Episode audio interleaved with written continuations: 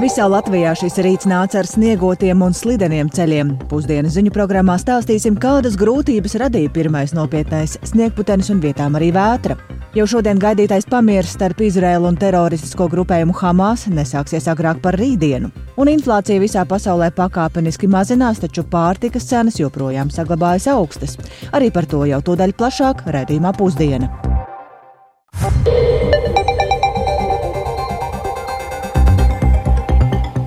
12,5 minūtes skanējumu sāk 23. novembra radījums pusdiena ar plašāku skaidrojumu par šodien būtisko studijām. Dāca Pēkšēna, labdien!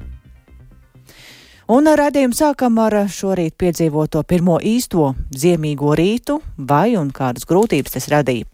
Lausti koki, slideni ceļi un palēnināta satiksme. Tas ir tas, ar ko daudziem šodien bija jāsaskaras pēc stiprās sniegšanas, kas šonakt pārņēma visu Latviju. Un nu jau gan sniegs pamazām pāriet Lietuvu, bet kāda šobrīd ir situācija un kā to vērtē dažādi dienesti, to gatavs vairāk pastāstīt kolēģis Viktors Demīdovs. Sveiks, Viktor!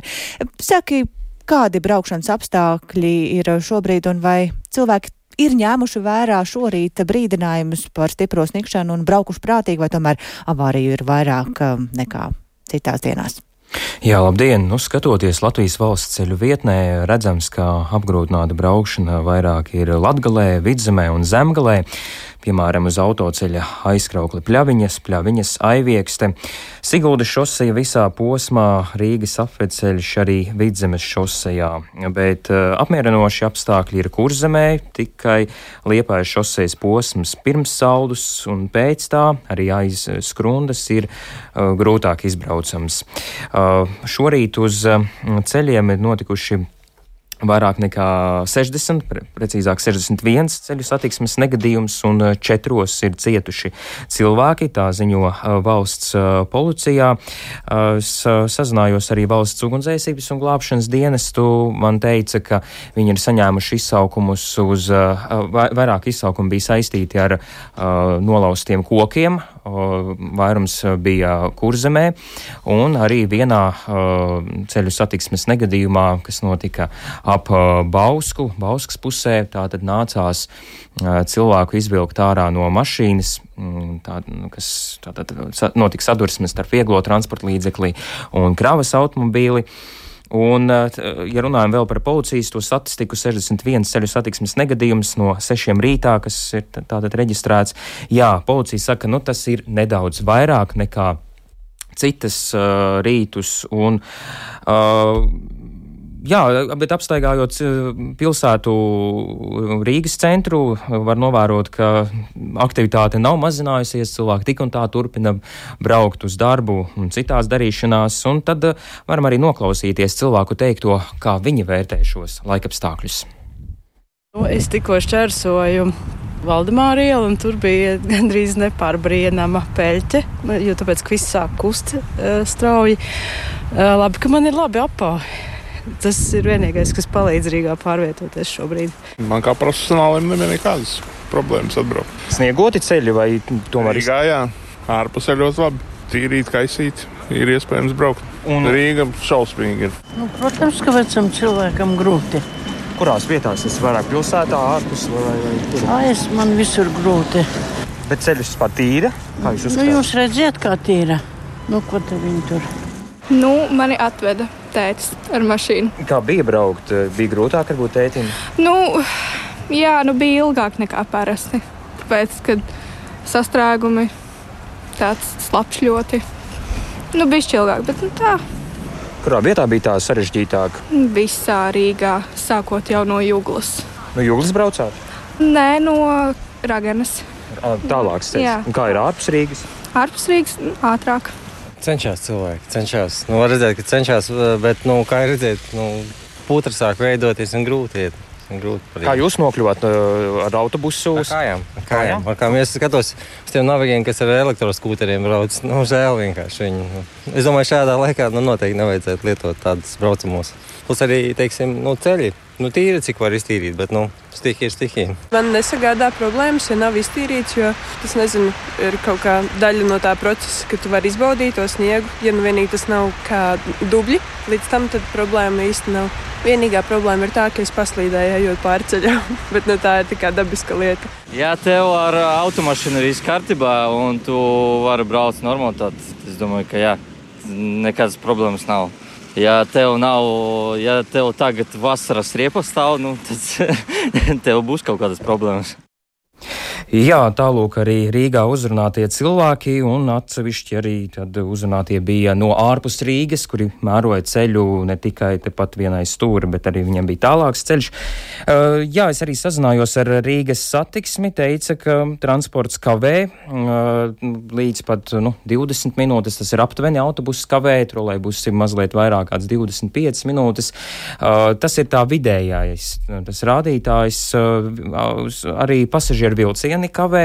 Mm, tā tad Tas ir novērots vairāk nekā 15 uh, reisos, un uh, pasažieru vilcienā arī atgādina, ka nu, vilcieni ir sasaistīti. Respektīvi, arī šodien bija tāds uh, gadījums, ka mm, no Jālgavas vilciens kavē, viņam tālāk ir jādodas uz ogri, un attiecīgi, ja viņš nokavē uh, ceļu no Jālgavas uz Rīgu, tad arī attiecīgi kavē no Rīgas uz ogri. Un uh, visgrūtāk ir uh, Jālgavas līnijā, uh, tātad elektrificētajā līnijā, un, un da, tos kustību apgrūtina arī perona modernizācijas projekti, kas aktīvi rit uz priekšu, tā teica pasažieru vilcienā, bet kāda situācija ir Rīgā? To es jautāju Rīgas domas ārtelpas un mobilitātes departamenta vadītāja pienākumu izpildītājiem Jānim Vaivodam, un tad lūdzu noklausīsimies viņa teikto tilti uz doto brīdi jau ir apstrādāti trīs reizes, savukārt ielas ir divas reizes. Šobrīd turpinās arī pieturvietu gāja zona un veloceļu sakopšana. Pēc šo darbu sakopšanas tiks izvērtēts stāsts arī par trešo kategorijas ielu sakopšanu, bet jāatcerās, ka tātad pirmās un otrās kategorijas ielas ir jātīra trīs stundu laikā pēc sniegšanas beigām. Attiecīgi šobrīd ir tūlīt iestājas tas periods un kolēģi arī apsekos visas ielas, lai konstatētu, cik veiksmīgi vai neveiksmīgi uzturētāji ir tikuši galā ar darbu. Kopumā es gribētu teikt, ka šobrīd ielas ir apmierinošā stāvoklī. Tālūk, Jānis Vaivots, Rīgas domas ārtelpas un mobilitātes departamenta vadītāja pienākuma izpildītājs par situāciju Rīgā. Jebkurā gadījumā ziema šajā laikā nav nekas neparasts, bet kā ir, vai tā ir uz palikšanu, vai tomēr tas bija tāds vienas dienas brīdinājums?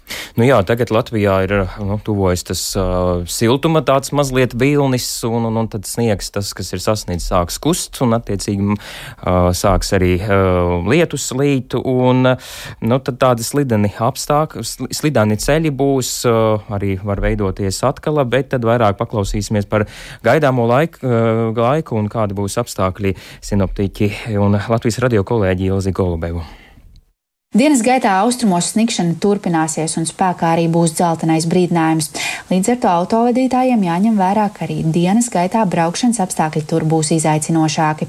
Kamēr austrumos sniks, citvieta līs un vakar pusē iespējams arī pērkona negais. Arī piekdiena būs nokrišņiem bagāta un vējaina, temperatūra no mīnus 2 līdz plus 4 grādiem, bet nedēļas izskaņā un jaunadēļ Latvijā pastiprināsies sals. Tāpat daudz viet arī sniks un vietām stipri, līdz ar to arī tur turpmākajās dienās autovadītājiem pie stūres ir jābūt īpaši uzmanīgiem. Tālūk, sinoptiķi un Latvijas radio kolēģi Ilze Golubeva par gaidāmo laiku, bet es arī uzrunāju neatliekamās medicīniskās palīdzības dienestu, kā tad viņiem soks ar, ar, ar, ar cilvēku palīdzību, nu, nu cilvēks, ne, nu, jā, cilvēku palīdzību, bet uh, mediķi teica, ka tā ir ierasta diena un uh, traumas ir uh, tikai atsevišķos gadījumos, cilvēki paslīd, bet nekā īpaši nav, atgādinot, ka iedzīvotājiem, jo īpaši cilvēkiem gados šajos apstākļos labāk izvēlēties nedoties uh, un būt mājās. Paldies Viktoram Demīdovam. Skaidrs, ka šī ir tikai vēl pirmā ziemas diena un tādas mums vēl daudz priekšā. Bet um, turpinot um, jau vakar iesākto tematu par situāciju, kas izveidojusies Rēzeknē, kur kvoruma trūkuma dēļ nenotiek sēdes, tiek kavēta lēmumu pieņemšana. Līdz ar to tiek valstiskā mērogā meklēts risinājums tālākajiem scenārijiem. Un tad ir paredzētās izmaiņas pašvaldību darbu regulējošos likumos šodien, nonāku, šodien nonākušas līdz saimas darba kārtībai, kur tās skatīs pirmajā lasījumā. Un, lai gan galvenās debatas vēl ir gaidāmas, plenārsēdē jau ir izskanējuši aicinājumi vienas pašvaldības problēmas nepārcelt uz visām vietvarām, bet vienlaikus arī ir mudinājumi rast saprātīgus risinājumus Rēzeknes pašvaldībā. Un par um, šiem visiem argumentiem vairāk um, pastāstīs kolēģis Jānis Kīncis, kurš pievienojas tiešai. Sveiks, Jāni! Sveicināti! Jā, šīs dienas sēdē saimnes deputāti jau mazliet pieskārās trešdienas saimnes atbildīgajā komisijā skatītajiem likuma grozījumiem, kas paredz risinājumus strupceļam Rezeknas domas pārvaldībā. Atgādināšu, ka komisijas skatīšanai saimā virza likuma grozījums, kas paredz, ka Tad, ja kāds pašvaldības deputāts trīs mēnešu laikā bez attaisnojuma kavējas vairāk nekā pusi domas sēžu, par to varētu viņam anulēt deputātu mandātu. Un komisijas virzītais priekšlikums šo rīcību paredz uzticēt Centrālajai vēlēšanu komisijai. Otrs priekšlikums paredz, ja domas darbs iebuksējas kvoruma trūkuma dēļ un um, tātad deputātu vairākums kārtējās sēdēs nav sanācis divas sēdes pēc kārtas, tad trešo pašvaldības sēdi jau var sasaukt nozara pāraugošais ministrs un lēmumus var pieņemt viena piekdaļa domas deputātu. Lemjot par likuma grozījumu iekļaušanu saimas sēdes darba kārtībā šodien, pirmajā lasījumā, deputātu teiktajā jau ieskanējās temati, par ko pašvaldību darbu pāraugošajai ministrijai un saimas deputātiem vēl būs jāspriež līdz likuma grozījumu pieņemšanai. Deputāts Ainārs Lesters no Latvijas pirmajā vietā iebilda, ka piedāvāto regulējumu Rezeknas problēmu risināšanai pārnesīs uz visām pašvaldībām. Paklausīsimies viņa teikto. Izskatās, ka varas partijas nav gatavas eh, ārkārtas vēlēšanām Rēzeknas pašvaldībā, un tāpēc vajag eh, attiecīgi pieņemt likumu, kādā veidā attiecīgi ierobežot bijušā mēra darbību, bet vienlaicīgi nu, gatavoties eh, tām kārtējām vēlēšanām, parādot eh, situāciju, ka viss ir ļoti slikti un tā tālāk. Tad, ja ir nepieciešams izmaiņas, tad taisam rēzeknes speciālo likumu, kā pārvaldīt rēzekni, ieceļam tur uzreiz eh, gubernatoru no Rīgas. Vienkārši nu, nevajag šoreiz sačakarēt lietas valstī kopumā, jo pašvaldību vadītāji daudz ir izteikušies pret. Piedāvātās izmaiņas likumos kā pretrunīgas novērtēja arī bijušais vidas aizsardzības un reģionālās attīstības ministrs Māris Sprindžuks no apvienotā saraksta. Tieši viņš, vēl būdams ministrs, sāka Reizeknas mēra Aleksandra Bartaševiča atstādināšanas procesu, kad izgaismojās problēmas ar ietveras budžeta situāciju un iesākt to un vēl aizvien nepabeigto spā centru, kas izmaksājas ārkārtīgi dārgi. Un pēc vairāku nedēļu gatavošanās par Bartaševiča atstādināšanu paziņoja tagadējā ministra Inga Bērziņa no jaunās vienotības. Sprinčuka vērtējumā saima nevar iet Bartaševiča pavadā un novest šo procesu līdz ārkārtas vēlēšanām Rēzeknē. Tāpēc ir jāatrod risinājums, kas der gan Rēzeknē šajos specifiskajos apstākļos, gan arī nesabojā demokrātijas procesus citās citās pašvaldībās. Lūk, arī Mārcis Prinčuks sacītais. Tātad pa šo laiku viņi jau ir izfunkcionējuši, ok, lai atlaiž, nogāžam domu, ejam uz vēlēšanām, un tad mūsu pūkains baltus savēlēs atpakaļ. Sodāmības mums vairs nav, mums ir jauns deputāta mandāts, un mums ir pieci gadi gāzi grīdā.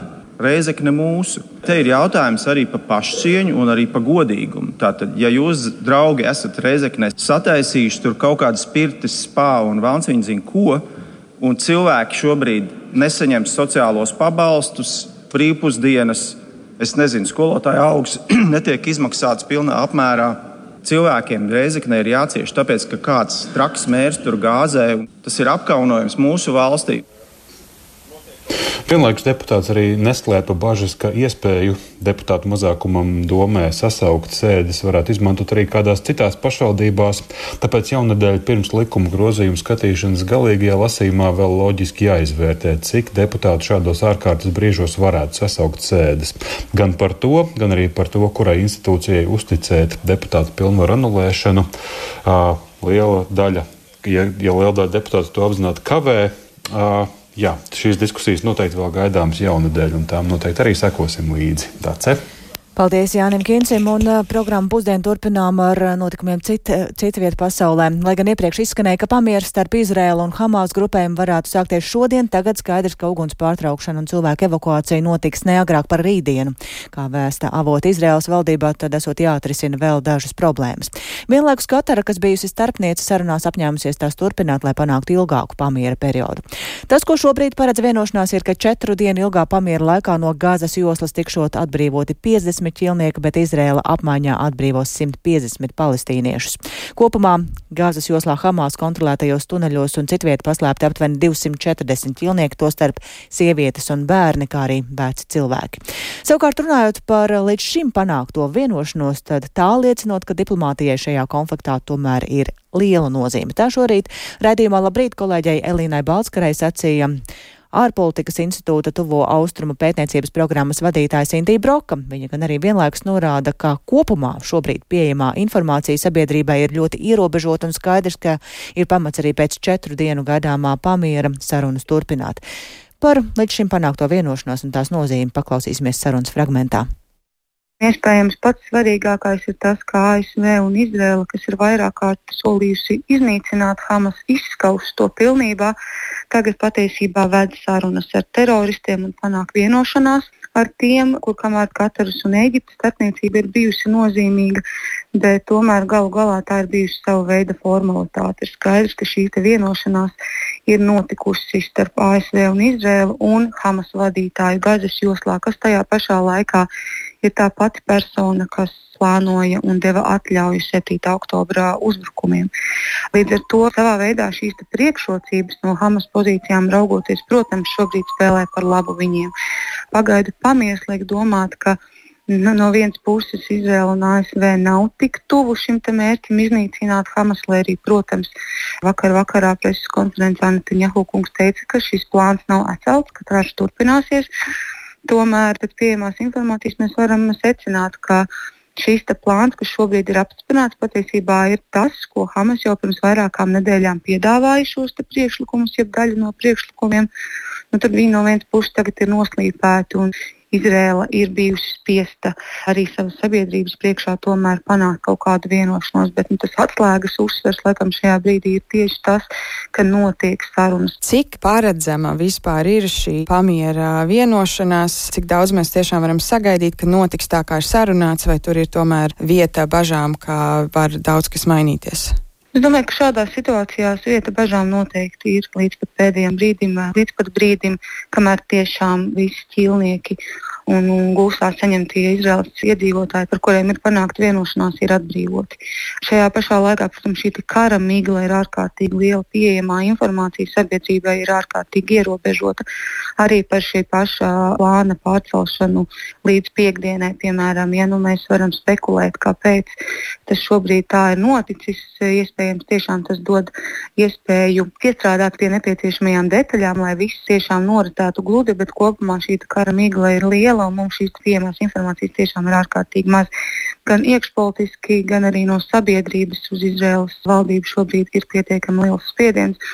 No Hamas puses, protams, šīs priekšrocības ir viņa rokā jo tie ir tomēr Izraels civiliedzīvotāji. Runājam arī par to, ka ir iespēja, ka puses varētu vienoties par pamiera pagarināšanu. Kas būtu tie apsvērumi, kas varētu noteikt to, vai pamieris tiks pagarināts? Tas ir iespējams viens no Hamas mērķiem, jeb stratēģiju patiesībā. Nu, mums ir šis viens pret 3, ja 50 pret 150 eh, cilvēku atbrīvošana. Līdz ar to mums vēl ir pietiekami daudz Izraels civiliedzīvotāju, kas Hamas būs jāatbrīvo un pie kā Izraels valdībai būs jāatbrīvo, lai šos te iedzīvotājus atgrieztu mājās. Līdz ar to, protams, noteikti pastāv pamats turpmākām sarunām, jo ir grūti iedomāties, ka pēc šāda veida apmaiņas pārējie Hamas gūstā esošie civiliedzīvotāji netiks plānots viņus atgriezt atpakaļ. Līdz ar to es domāju, ka šīs sarunas noteikti viņām būtu jāturpinās no abām pusēm, jo arī, protams, Izraels ieslodzījumā šobrīd atrodas ārkārtīgi liels skaits palestīņu, daudz lielāks nekā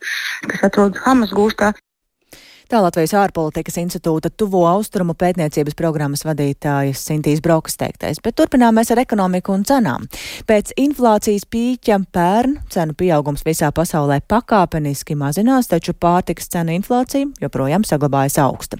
Un tas īpaši ietekmē mājasaimniecības ar zemiem ienākumiem, tāpēc trūcīgākajiem cilvēkiem ir jādodas uz pārtikas bankām. Un pazīmes gan esot, ka nākamgad pārtiks cenas varētu mazināties, un par to Ulda Česberi ierakstā. ASV šodien atzīmēs pateicības dienu, kad parasti ģimenes sapulcējas pie bagātīgi klātiem galdiem, uz kuriem tiek likti dažādi ēdieni, bet maltītes neatņemama sastāvdaļa ir tītara cepetis. Taču daudziem amerikāņiem šoreiz svētku pusdienas būs pieticīgākas nekā citus gadus, jo augsto pārtikas cenu dēļ viņi nevar nopirkt visu, ko kārojas. Oktobrī ASV iedzīvotāji par atsevišķām pārtikas precēm, tostarp gaļu, zivīm un olām, maksāja vairāk nekā septembrī. Laikā no pagājušā gada oktobra līdz šī gada oktobrim pārtikas produktu cenas palielinājās par 2,1% punktu. Graudaugu un maizes izstrādājumu cenas gada laikā ir pieaugušas par vairāk nekā 4% punktiem. Arī ēdienreizes ārpus mājām ir kļuvušas dārgākas, jo pēdējā gada laikā kafejnīcās un restorānos ēdienu cenas ir pieaugušas par vairāk nekā 5% punktiem. ASV lauksaimniecības departaments prognozē, ka šajā gadā valstī kopējās pārtikas cenas palielināsies par gandrīz 6% punktiem, un departaments lēš, ka arī 2024. gadā, kas būs ASV prezidenta vēlēšanu gads, pārtikas cenas turpinās pieaugt. Eiropas Savienībā inflācija pakāpeniski samazinās. Eiropas Savienības vidējā gada inflācija oktobrī bija 3,6%, bet Eirozonā 2,9%. Tajā pašā laikā pārtikas cenu inflācija Eiropas Savienībā saglabājās augsta. Reālā pārtikas inflācija oktobrī Eiropas Savienībā bija 4%, bet Eirozonā 4,6%, kas radīja lielu spiedienu uz mājsaimniecībām ar zemiem ienākumiem. Vienā no Eiropas Savienības turīgākajām dalībvalstīm Itālijā oktobrī reālā pārtikas inflācija bija 4,9%. Saskaņā ar valdības sniegto statistiku katrs 12. Itālijas iedzīvotājs dzīvo nabadzībā, tāpēc arvien vairāk cilvēku vēršas labdarības iestādēs pēc palīdzības. Analītiķi norāda, ka galvenais iemesls pārtikas cenu inflācijai Eiropā ir pieaugušās enerģijas izmaksas, kas ietekmē visu lauksaimniecības un pārtikas ķēdi, sākot no lauksaimniekiem līdz pārstrādes uzņēmumiem un transportam. Pasaules banka apgalvo, ka Eiropā un Centrālā Azijā pārtikas cenu inflācija ir saistīta ar Krievijas karu Ukrainā, jo šī valsts ir viena no vadošajām pārtikas ražotājām un eksportētājām pasaulē. Nīderlandes finanšu pakalpojumu milzis Rabobank prognozē, ka 2024. gadā varētu sagaidīt strauju pārtikas cenu kritumu, jo palielināsies lauksaimniecības preču ražošanas apjomi, bet pieprasījumu mazinās vājā ekonomikas izaugsme. Kopējo pārtikas cenu inflāciju samazināšot tādu pamata pārtikas produktu kā cukura, kafijas, kukurūzas un sojas pupiņu cenu kritums. Uldis Česberis, Latvijas radio. Un vēl jau no šīs nakts Somija slēgs visus robežpunktus ar Krieviju, atstājot atvērtu tikai vienu, kas atrodas vis tālāk uz ziemeļiem. Helsinki tā reaģējuši uz pieaugošo nelegālo imigrantu skaitu, kas netraucēti ierodas no Krievijas. Bet vai un kā šis Somijas lēmums atsauksies uz Latviju, to centās noskaidrot kolēģi Agnija Lāsdiņa. Sveika, Agnija, izstāsti, kāpēc tad atstāja vaļā tikai vienu punktu un vai no Latvijas puses arī šobrīd sako kāda rīcība? Labdien! Somijas premjeras premjerministrs Peteri Orpu vakar paziņoja, ka tiks slēgti robežšķēršošanas punkti uz robežas ar Krieviju, izņemot vienu vis tālāk ziemeļos esošo posteni. Un uh, uz Krievijas robežas Somijai ir astoņi robežšķēršošanas punkti, četri no tiem ir slēgti jau kopš pagājušās sestdienas, taču piekdienas slēgs vēl trīs, kas būšot slēgti vismaz līdz 23. decembrim. Tā ir reakcija uz uh, pieaugušo nelegālo imigrantu skaitu, kas netraucēt ierodas no Krievijas, un iepriekš Krievu robežu robežsargi nesot ļāvuši nelegāli, nelegālajiem imigrantiem bez atbilstošiem ceļošanas dokumentiem doties uz, uz šiem Somijas robežšķēršošanas punktiem.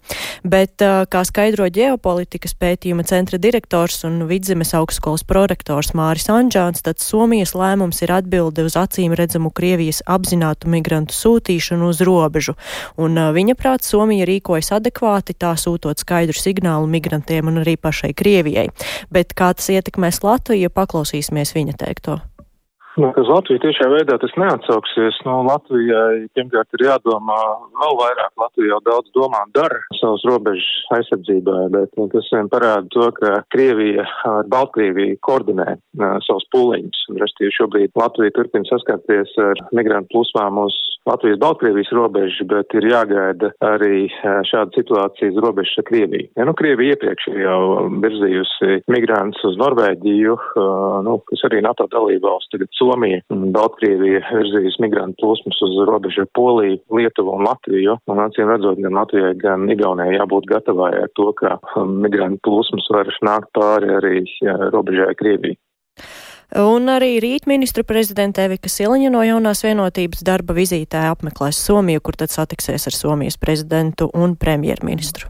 Paldies Agnijai Lazdiņai. Šo tēmatu tātad turpināsim arī raidījumā pēcpusdiena, bet šobrīd izskan raidījums pusdiena. To producēja Lauris Zvēnieks, ierakstus montēja Kaspars Groskops par labskaņu rūpējās Regīna Bieziņa un ar jums sarunājās Dāca Pēkšēna. Raidījums pusdiena arī sevērtā laikā ir atrodams Latvijas radio mobilajā lietotnē, ir jāsameklē dienas ziņas. Eterā mēs tiekamies atkal rīt.